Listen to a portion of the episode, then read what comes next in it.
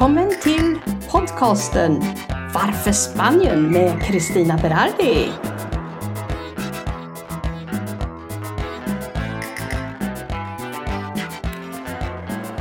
Idag kommer jag att prata om det här med årsmöten. Det är ju så att eh, alla föreningar i Sverige, precis som här i Spanien, måste ju en gång om året ha ett årsmöte och berätta för sina medlemmar om ekonomin, hur föregående år var och vad som ska komma.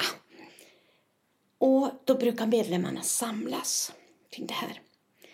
Här i Spanien så är det ju lite annorlunda än med en bostadsförening för här äger vi våra bostäder. Det är klart man äger bostaden i Sverige också men skillnaden är att vi betalar ingen hyra här. Däremot betalar vi en eh, community fee, en avgift för eh, renhållningen, reparationer, eh, elen, poolunde och allt det här.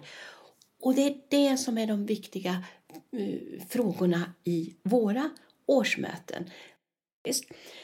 Och enligt lagen så ska det finnas en kommitté eller styrelse som då ska tillvarata ägarnas intressen.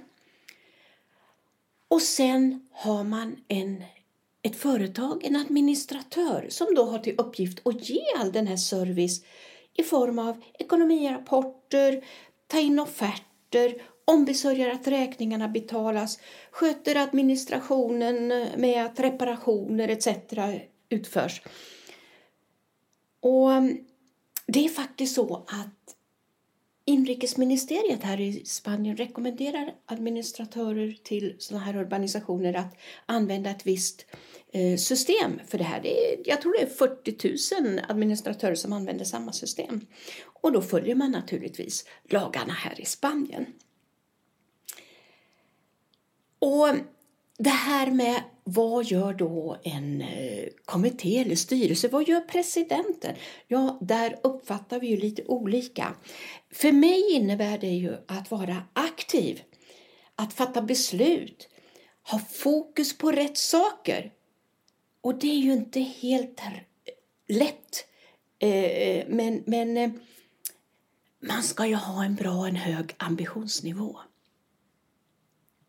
På Facebook så kan man läsa i många grupper där det är eh, ägare som ställer frågor. Hur fungerar det hos er? Eh, vi får ingen information från presidenten. Presidenten bor inte här. Han överlåter allting till administratören. Vi vet ingenting. Vad är det som ska hända? Och får man göra så? Kan jag ta tag i det här? Och det är många frågor. Och det är väldigt ledsamt att höra. Jag skulle vilja säga att eh, val av administratör är också en viktig del för att få den här hjälpen, stödet. Eh, det kommer hela tiden nya lagar och den här ska ju också, administratören ska ju hjälpa styrelsen och presidenten så man tar rätt väg och så vidare.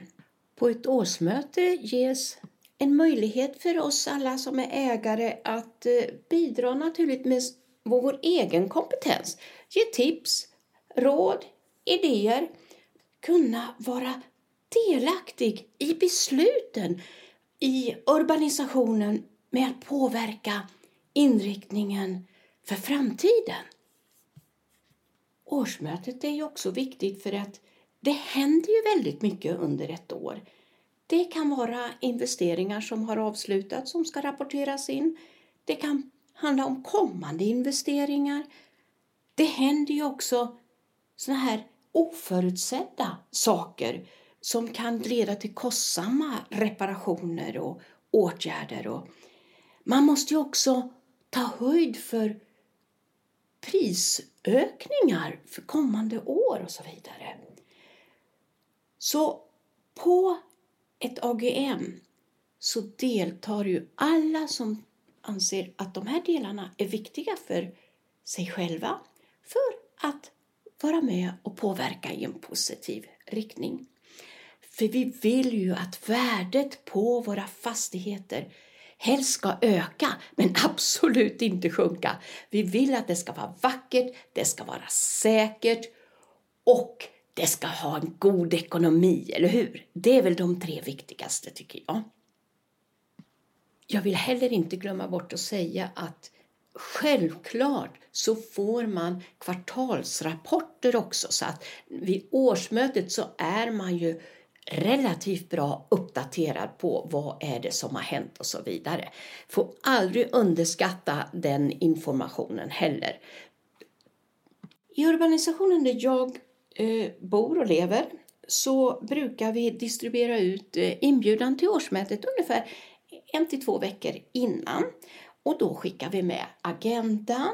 Då ingår också eh, kostnader för föregående år, eh, förslag på budget kommande år. Vi har ju som man brukar ha en standardagenda så att man som ägare kan förbereda sig. Det kan ju vara en del frågor, det kan ju vara något man missar och det har man alltid möjlighet att skriva in. Så det brukar vi skicka ut. Har ni några frågor inkommer de så tidigt som möjligt.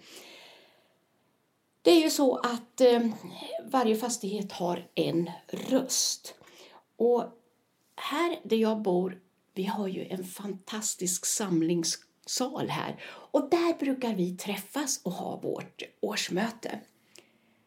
Nu var det ju faktiskt så att eh, Jo, och när man, när man är på det här årsmötet, alla har ju inte möjlighet att vara här just det datumet som vi har valt. Eh, och då kan man ha en fullmakt med sig som ägare från en annan ägare. Så att kan man inte närvara fysiskt så har man en fullmakt. I år var det ju ett helt annat läge. I eh, min urbanisation här så brukar vi ha vårt årsmöte i april i samband med påsken. Då var ju Spanien nedstängt. Vi fick ju reda på det här redan i början av mars att det kommer att stängas ner. Varvid vi fattade ett snabbt beslut om att vi flyttar fram det här årsmötet till oktober för då är det ju eh, bra. Då kan alla komma hit och vara med. Sen eh, visar det sig att eh, samhället har ju inte kommit tillbaka till det där normala som vi hela tiden har hoppats på. Och vi lever ju fortfarande med en hel del restriktioner. Eh, de är inte så hårda idag, men eh, det finns också människor som har fastighet här som bor i länder där man inte får resa till utlandet. Man får inte lämna landet, det finns inga försäkringar som gäller och så vidare.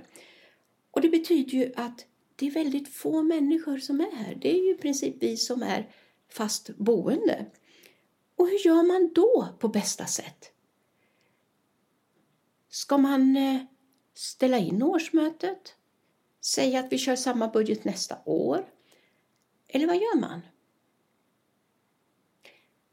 Ja, vi sa, vi tycker det här är viktigt att vi genomför ett årsmöte. Och hur ska vi göra det? Vi har nog tänkt till både en och två gånger hur vi ska göra. Och det här som vi, det här konceptet som vi har tagit fram, det kräver ju en hel del andra typer av förberedelser. Och det är det som jag tänkte ta upp i denna podd. Vi funderade fram och tillbaka. Hur ska vi kunna genomföra ett årsmöte med dagens teknik där vi där vi många av oss har vant oss vid att köra Zoom-möten och sådana här saker. Vi tyckte nog inte att Zoom var så lämpligt när alla medlemmarna ska vara med samtidigt.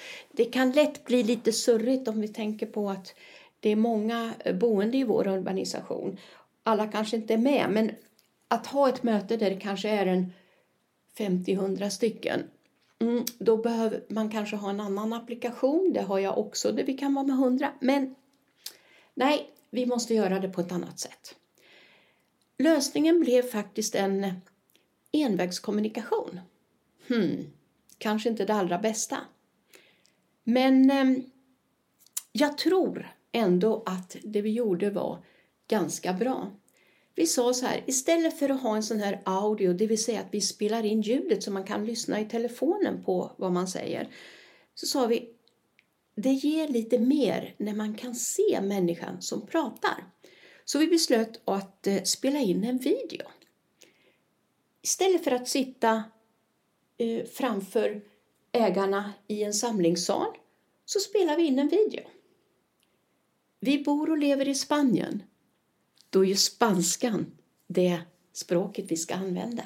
Men eftersom det är så många utlänningar här så är ju det självklart att tala äh, engelska också. Ursäkta mig, engelska. Och i vår organisation så är det ju många skandinaver. Så då är det ju svenskan också, eftersom jag är svenska. Och hur ska vi göra det här då?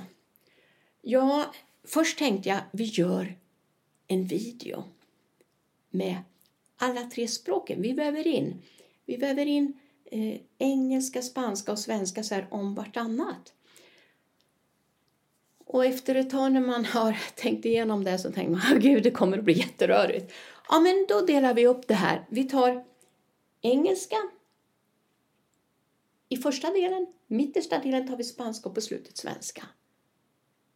Nej, det tyckte vi inte heller var så bra för att då måste jag som kanske inte förstår varken engelska eller spanska, då måste jag ju vänta till slutet och, och, och det är lite jobbigt. Kom vi fram till den här enkla lösningen som vanligt då, då. Vi spelar in tre video så kan man ju välja det språket som känns bäst för en själv. Det tyckte vi var genialt.